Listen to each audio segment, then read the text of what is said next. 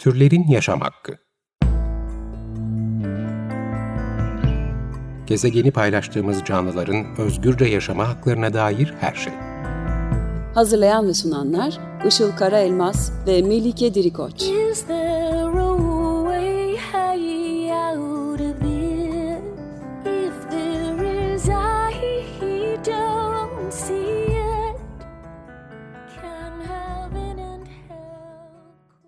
Merhabalar, 95.0 Açık Radyo'da Türlerin Yaşam Hakkı programı başladı. Ben Melike Dirikoç. Ben Cansu Özgü Özmen. Bugünkü program destekçimiz Özden Koç'a çok teşekkür ediyoruz. E, geçen hafta e, Britanya'da yapılan bir araştırmadan bahsetmiştik. Veganlık savunusunun nasıl olması gerektiğiyle alakalı. Hatta demiştik ki e, bu araştırma Türkiye'de olsa nasıl olurdu? Bu anlamda da Türkiye'de yapılmış güzel bir tez araştırmasından bugün bahsetmek istiyoruz. Türkiye'de türcülük karşıtı hayvan savunuculuğuyla alakalı bir tez araştırması. Yıldız Teknik Üniversitesi İnsan ve Toplum Bilimleri Yüksek Lisans Programı mezunu olan ve Burhak aynı ve aynı zamanda da hakim gönüllüsü bir hayvan hakları aktivisti olan Arzum Kalfa'nın Türkiye'de türcülük karşıtı hayvan savunuculuğu, hayvan savunucularının bir etnografisi başlıklı tezi üzerine konuşacağız. Arzum hoş geldin. Hoş buldum. Türkiye'de hayvan çalışmaları alanında test sayısında son senelerde bir artış e, var ve bu da açıkçası çok sevindirici bir gelişme bence. E, senin tezinde bu alana özellikle Türkiye'deki hayvan hakları mücadelesi bağlamında çok önemli bir katkı sunuyor e, ve salt kurumsal bir çalışma da değil aynı zamanda alanın kendisiyle alakalı. E, aktivizm Hı hı. alanlarıyla akademinin işbirliği hakkında genel anlamda ne düşünüyorsun diye sormak isterim ve spesifik olarak e, senin tezinin katkısını nasıl tanımlayabiliriz? Ee, şöyle zaten ben 6 yıldır veganım. Bunun da 5 yılını aktivistim diyebilirim. Bundan işte 4 yıl önce okumalarımın yeterli gelmediğini fark ettim. Ve bir şekilde daha çok hayvanı kurtarmak için hızlanmamız gerektiğini düşünüyordum. Çeşitli grupların içinde yer aldım daha önce de, Hakim ve Burhak'tan önce de. Ama işte bakayım dedim bir akademi bununla ilgili neler diyor. O yüzden işte iyi bir üniversitede, özellikle İngilizce olmasını istediğim bir üniversitede yüksek lisansa başvurdum. Ama karşılaştığım şeyler hiç hoş olmadı. Hocalarım iyiydi, sınıf arkadaşlarım iyiydi. Ee, her konuda değillerdi ama yani türcülerdi en başta ve türcülüğün diğer ayrımcılık biçimleri gibi bir ayrımcılık, ötekileştirme biçimi olduğunu farkında dahi değillerdi. Onlar da yani nasıl sokaktaki insanlar biz vegan deyince ne diyorsun, proteini nereden alıyorsun diyorsa onlar bunu söylemiyordu ama akıllarına onların da ilk başta sadece yemek geliyordu ve ben bunun yemekle alakalı olmadığını, bunun benimle de ilgili olmadığını, bunun sadece hayvanlarla ilgili olma, olduğunu anlatmaya çalıştım. Ve aslında tez konumu ben ım, çok daha farklı, daha spesifik bir şey olarak düşünmüştüm akademiye girmeden önce. Ama e, genel olarak bir çalışma yapılması gerektiğini fark ettim. Çünkü hocaların durumu böyleyse akademi nasıldı diye düşünerek sonra işte makaleleri falan araştırmaya çalıştım ve Türkiye'de yazılmış tezler var. Doktora düzeyinde de hatta var. Ama bunlar da hep e, bu hareketin, hayvan savunuculuğu hareketi olarak adlandırdığım hareketin bir yanına sadece bakıyordu. Kuramsal olarak iyi olan tezler vardı. E, alanda olanlar vardı ama ikisini bir araya getiren ve bunu biraz eleştirel olarak yapan bir teze rastlayamadım. Ve bu yüzden işte biraz da hem akademideki eksiklikler hem de akademideki hocaların eksikliklerini, e, akademideki hmm, nasıl diyebilirim müfredatın eksikliklerini gördükçe bunun daha da önemli olduğunu fark ettim. İyi bir tez danışmanı buldum. Vegan değildi. Hala değil sanırım. Ama e, bana elinden gelenin en fazlasını yaptı ve bu tezi ortaya çıkardık. Yani dediğim gibi arada çok büyük bir kopukluk olduğunu fark ettiğim için bu arada bir köprü oluşturmaya çalıştım aslında kendimce. Çünkü şunu biliyoruz. E, hayvan hakları hareketi dediğimiz hareket grassroots diyoruz biz bu hareketi aslında temelden gelen bir hareket. Ama bunun yanında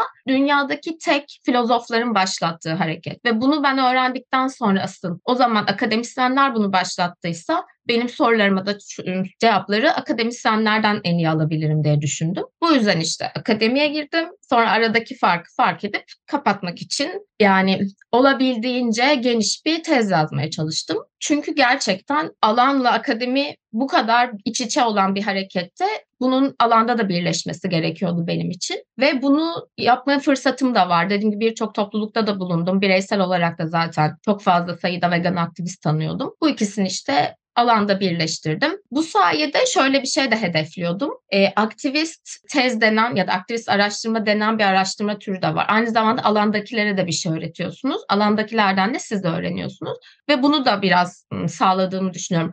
Yani mesela görüşme yaptığım insanlar bana Steven Best'le ilgili bir şeyler söylüyordu ve ben ''Aa Steven Best okudun mu?'' dediğinde ''Yok okumadım ama bu fikri biliyorum ya da bu fikirdeyim'' dediğinde o kişilerin de daha sonra Steven Best'i araştırıp bana yazdı, daha sonra bana yazdıklarını falan gördüm. Karşılıklı bir alışveriş gibi oldu yani. Haklısın Arzum. Ben çok önemsiyorum e, aktivizm e, alanlarıyla yani tüm aktivizm alanlarıyla akademinin işbirliğini aslında. Çünkü bu şekilde akademik e, çalışmalar da en azından beşeri bilimler ve sosyal bilimler çalışmaları da çok daha anlamlı hale geliyor diye düşünüyorum. E, ve umarım e, tezin yani Türkçe bir özeti de bir şekilde daha hani ulaşılabilir hale gelir ki Türkçe bir özetin de e, Türkiye'deki hayvan hakları savunucularının okuması gerektiğini düşünüyorum. Çünkü e, çok normal olarak hani fraksiyonlaşma oluyor ve insanlar birbirinin ne yaptığıyla çok fazla ilgilenmiyorlar alanda. Ama böyle bir tezle hani objektif bakış açısıyla ilgilenebilirler diye düşünüyorum. Tezinin girişinde Türkiye'deki türcülük karşıtı hayvan e, savunuculuğunun başarılı ve başarısız yönleri hakkında e, çıkarımlar yapabildiğini söylüyorsun. E, bize bu e, başarılı ve başarısız yönlerinden biraz bahsedebilir misin? Hı hı. Tabii zaten tezin ana bölümü diyebileceğimiz bölüm orası. E, daha fazla çıkarım yapma umuduyla başlamıştım aslında.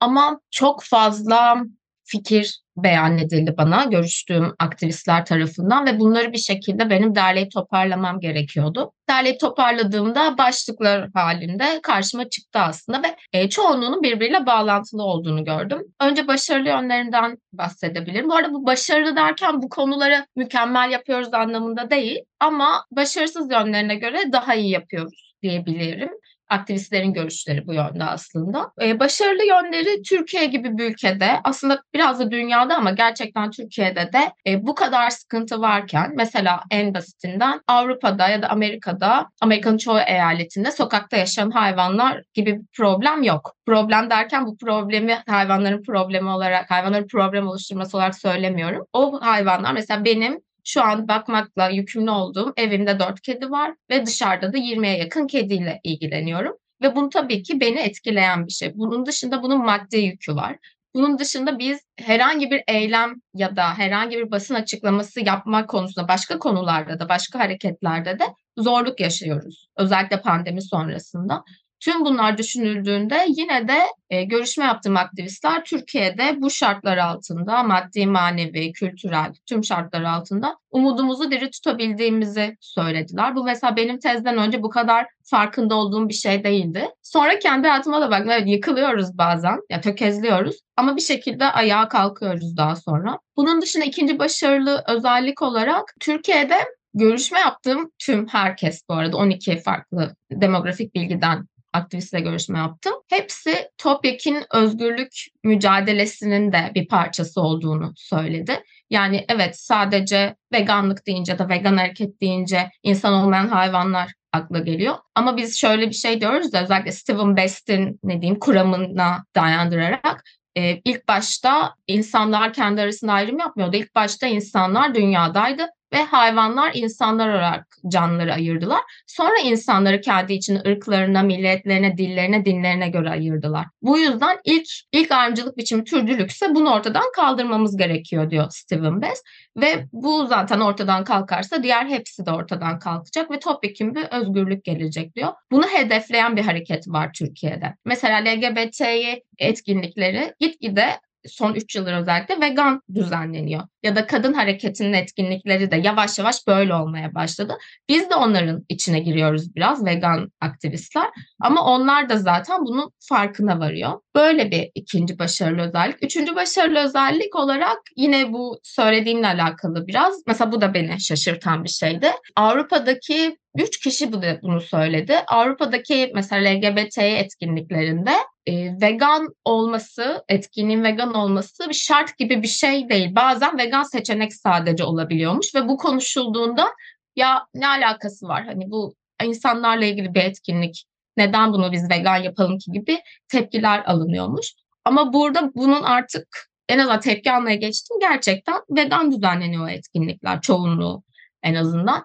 Ya da bu bizim 3 yıl önce bizim konuşmaya başladığımız bir şey. Normal Avrupa'dan daha geride olan çok özelliği var hareketin ama bu gerçekten önde olan bir özellik. E, bu da hareketin Türkiye'de diğer Avrupa ülkelerine ve ABD'ye göre daha geç ama bunun getirdiği bir artıyla daha ayakları yere basan bir yerden başlamasıyla alakalı. Hareket gerçekten 2010'da başlıyor Türkiye'de çok yeni yani çünkü 2000'lerin başında başlıyor Avrupa'da ama bunun getirdiği bir bilinçle vegan olmayan insanlar şu an türcülük karşıtı hayvan hareketinde yer bulamıyorlar. Çünkü önce insanların kendisinden değişimi başlatması gerekiyor ki diğer insanlar da bu değişimi talep edebilsin. Yurt dışında da genellikle böyle değil. Refahçılık zaten çok ön planda yurt dışında. Türkiye'de henüz geçmedi öne. İnşallah geçmeyecek. Bunlar başarılı yönleri. Başarısız yönleri çok fazlaydı. Yani 99 farklı madde çıktı benim karşıma derlediğimde.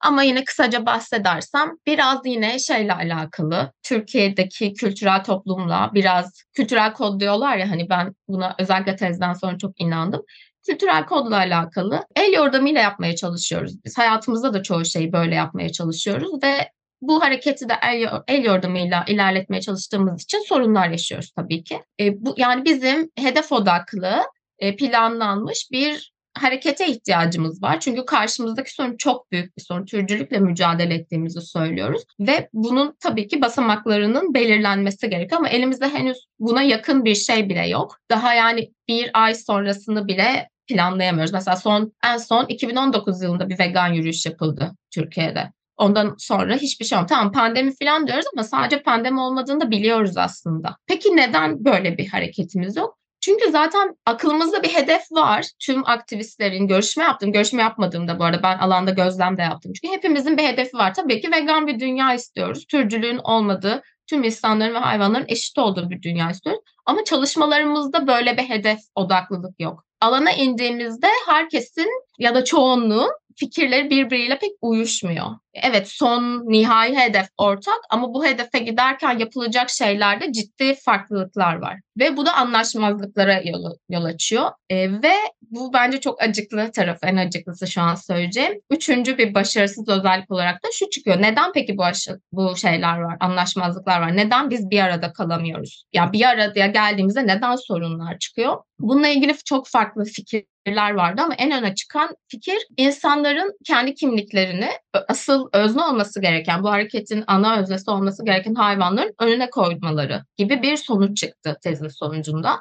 Yani e, benim kimliğim mesela arzum olarak benim kimliğim o an yapacağımız hareketten, eylemden, artık basın açıklamasındaki herhangi bir cümleden daha önemli bir hale geldiği için tabii ki biz bir arada kalamıyoruz. Tabii ki o yüzden el yordamıyla ilerlememiz gerekiyor. Çünkü biz üç kişi bir araya oturup konuştuğumuzda ufak bir fikir ayrılığı varsa bile bu gerçekten e, kişisel bir hale dönüş. Yani şunu diyemiyoruz. Burada konu hayvanlar. Ben bir yani bir de gerçekten küçük şeylerde anlaşmazlık yaşandığını söylediler. Bir kenara bırakayım kendimi ya da içinde bulunduğum grubu ya da e, bir sürü işte kuram var ya bu kuramlardan hangisini düşünüyorsam hangisine inanıyorsam bunu bir kenara bırakayım hayvanlar için mücadele edeyim. O an denilmiyor. Daha sonra çok pişman olan insanlar olduğunu söylediler. Hani ya 2-3 yıl önce şöyle şeyler yapmıştık. Keşke o eylemi yapsaydık mesela şu yüzden yapamamıştık gibi şeyler. Böyle bir arada kalamıyoruz. Kalamamamızın en büyük nedeni de işte bu vegan kimliğin,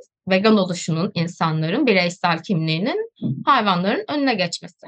Evet, güzel bir özet oldu ben bence de yani benim de kendi deneyimlerime dayanarak hak verdiğim çıkarımlar açıkçası. Biraz önce biraz bahsettin ama yurt dışında yapılan e, benzer araştırmalarla karşılaştırdığında Türkiye'deki hayvan hakları ya da hayvan özgürlüğü hareketinin ilerleme sürecinde sence Türkiye'ye özgü e, özel kültürel öğelerden söz etmemiz mümkün mü? Hı hı. Bence zaten özellikle başarısız yönleri dediğimiz kısım kesinlikle ben dediğim ya hani el yordamıyla her şeyi öyle yapıyoruz. Bu yüzden bunu da öyle yapmaya alışmışız. Mesela e, şöyle bir şey var. Çok aramız kendi aramızda çok konuşuyoruz bunu. Hiyerarşi kurmayalım. Yatay hiyerarşi olsun olacaksa da. Ama biz bunu kendi hayatımızda hiçbir yerde görmedik. Ne okulda ne ailemizde görmediğimiz için bunu bilmediğimiz, öğrenmediğimiz bir şeyi başkasından uygulamasını bekliyoruz. Ama o tam tersini biliyor.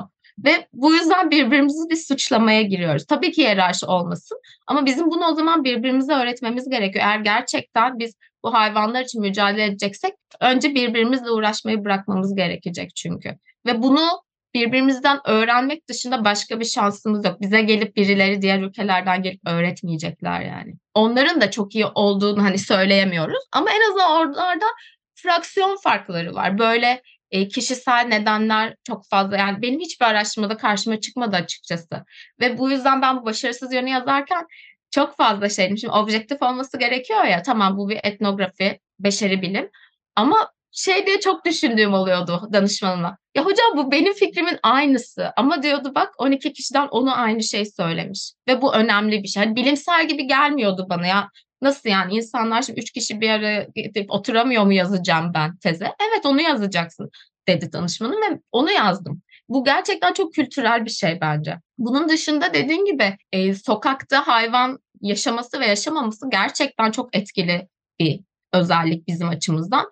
Ben iki yıl önce girdiğim borcu şu an düşündüğümde hala tüylerim diken diken oluyor. Yani geceleri uyuyamayacağım kadar beni etkileyen bir şeydi ve ben bu bu, bu ruh hali içinde bir yandan da diğer hayvanlar için uğraşmaya çalışıyordum. Tabii ki bunu yaparken çok zorlanacağım yani. E, benim tanıdığım insanların çoğu gerçekten böyle borç içinde ya da evi hayvan dolu bunlarla ilgilenen insanlar ya da şu anki işte bu onların deyimiyle başıboş köpek dedikleri bir sorun yarattılar ve bununla ilgili mesela ben her köpek avlamasına geceleri kalkmam gerekiyor. Ne yapacağım acaba diye. Ama e, Hollanda'daki bir insanla konuştuğunda Yo ben hiç hayvan barınağına gitmedim çünkü gerek duymadım. Oraların güvenilir yerler olduğunu biliyorum diyor. Ama biz burada kamera mı takılsa Aa ben iki hafta barınağa gitmedim. Acaba ne olacak bu barınaktaki hayvanlar? Ne durumdalar? Kaç tanesi öldürülmüştür iki haftada diye düşünmek zorundayım.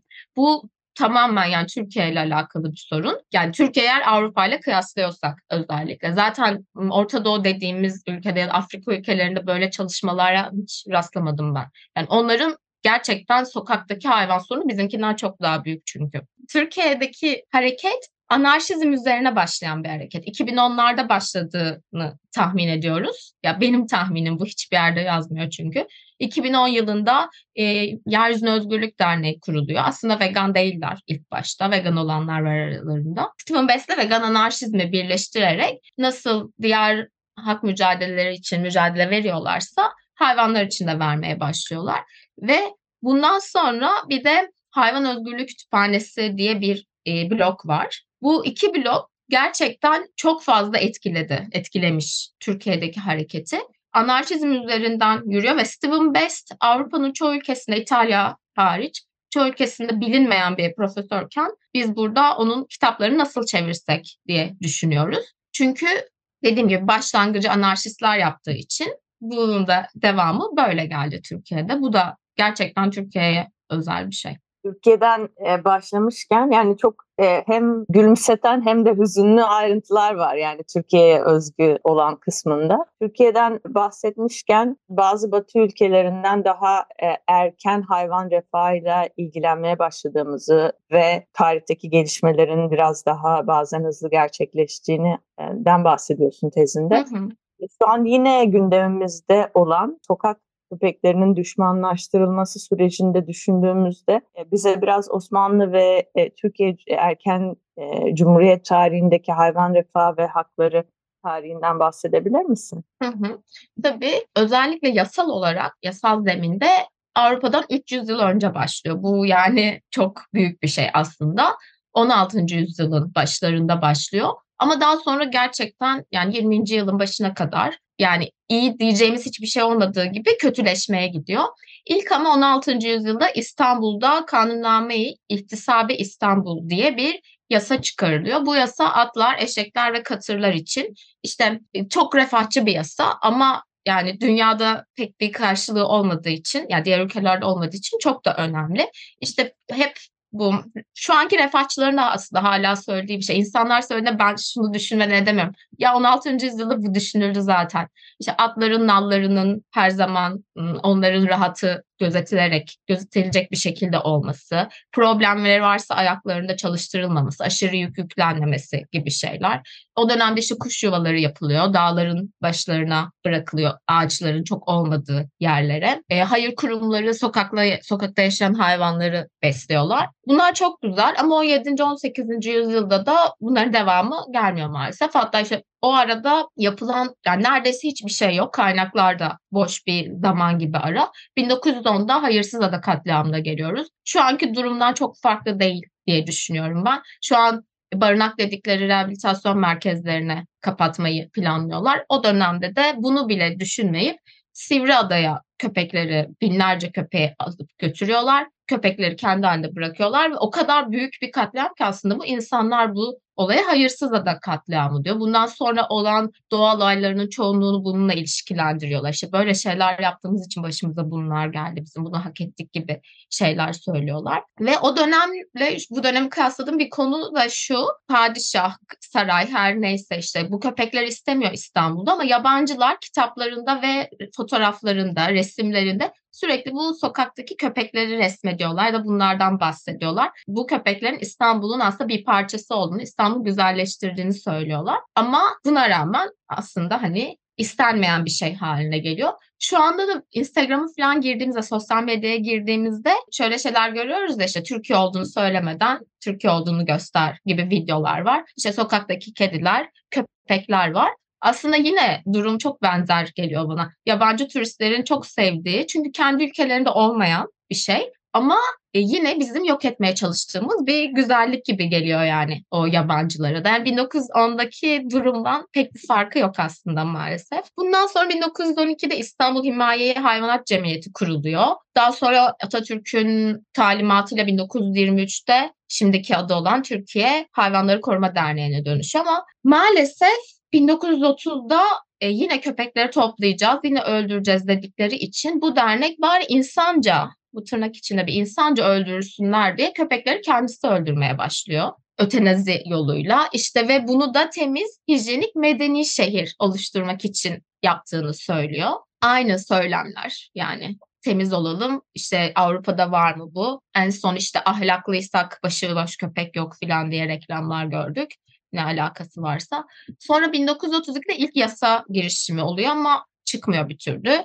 2003'te artık biz Avrupa Birliği görüşmelerine ciddi ciddi başladığımız için şeyi Avrupa'daki bir yasa tasarısını kabul ediyoruz. 2004'te de kendi yasamız 5199 bizim şu an iyi ki var dediğimiz uygulanmasa bile en azından yani elimizde bir güvence var. Birilerini korkutabiliyoruz sokakta dediğimiz yasa yürürlüğe giriyor. Daha sonra işte hemen Haytap kuruluyor 2008'de. Bundan sonra 5 grup ayrılıyor Haytap'tan. Haykonfed'i kuruyorlar birkaç yıl sonra. Sonra işte 2010'a geliyoruz. Yeryüzüne Özgürlük Derneği kuruluyor. Sonra 2013'te Gezi'den sonra Abolisyonist Vegan Hareket kuruluyor. Şu an hala hala o dönemde kurulan ve hala devam eden tek topluluk. Böyle yani köpek düşmanlaştırılması üzerinden bakarsak da 1910 ya da 16. yüzyılda çok bir farkımız yok aslında. Yani yine refahçı olarak bakıyoruz köpeklere de. Evet. Türcülük bütün dünyaya etkisi altına almış bir ayrımcılık biçimi sanırım. Bu noktada örnek alabileceğimiz bir devlet ya da bir Yok. batı olduğunu düşünmüyorum ben de. Ee, tam tersine senin de dediğin gibi aslında bir felsefe olabilir örnek alabileceğimiz. Bunun çıkış noktaları daha anarşist bir yerden, daha baş kaldıran ayrımcılıklara karşı bunun yanlış olduğunu anlayan bir yerden belki anlayabiliriz. Süremizin yavaş yavaş sonuna geldik. Bugün Yıldız Teknik Üniversitesi İnsan ve Toplum Bilimleri Yüksek Lisans Programı mezunu olan ve aynı zamanda da Burhak e, ile hakim gönüllüsü bir hayvan hakları aktivisti. Aynı zamanda kendisi de olan Arzum Kalfa'nın Türkiye'de türcülük karşıtı hayvan savunuculuğu, hayvan savunucularının bir etnografisi başlıklı tezi üzerine konuştuk. Arzum e, konuk olduğun için tekrar çok teşekkür ederiz. Rica ederim. Çok mutlu oldum. 95.0 Açık Radyo'da türlerin yaşam hakkına aynı zamanda program e, kayıtlarına da ulaşabilirsiniz. Tüm podcast mecralarından ve acikradyo.com web sitesinde program kayıt e, arşivinden dinleyebilirsiniz. İki hafta sonra yine çarşamba günü saat 2'de görüşmek üzere. Görüşmek üzere.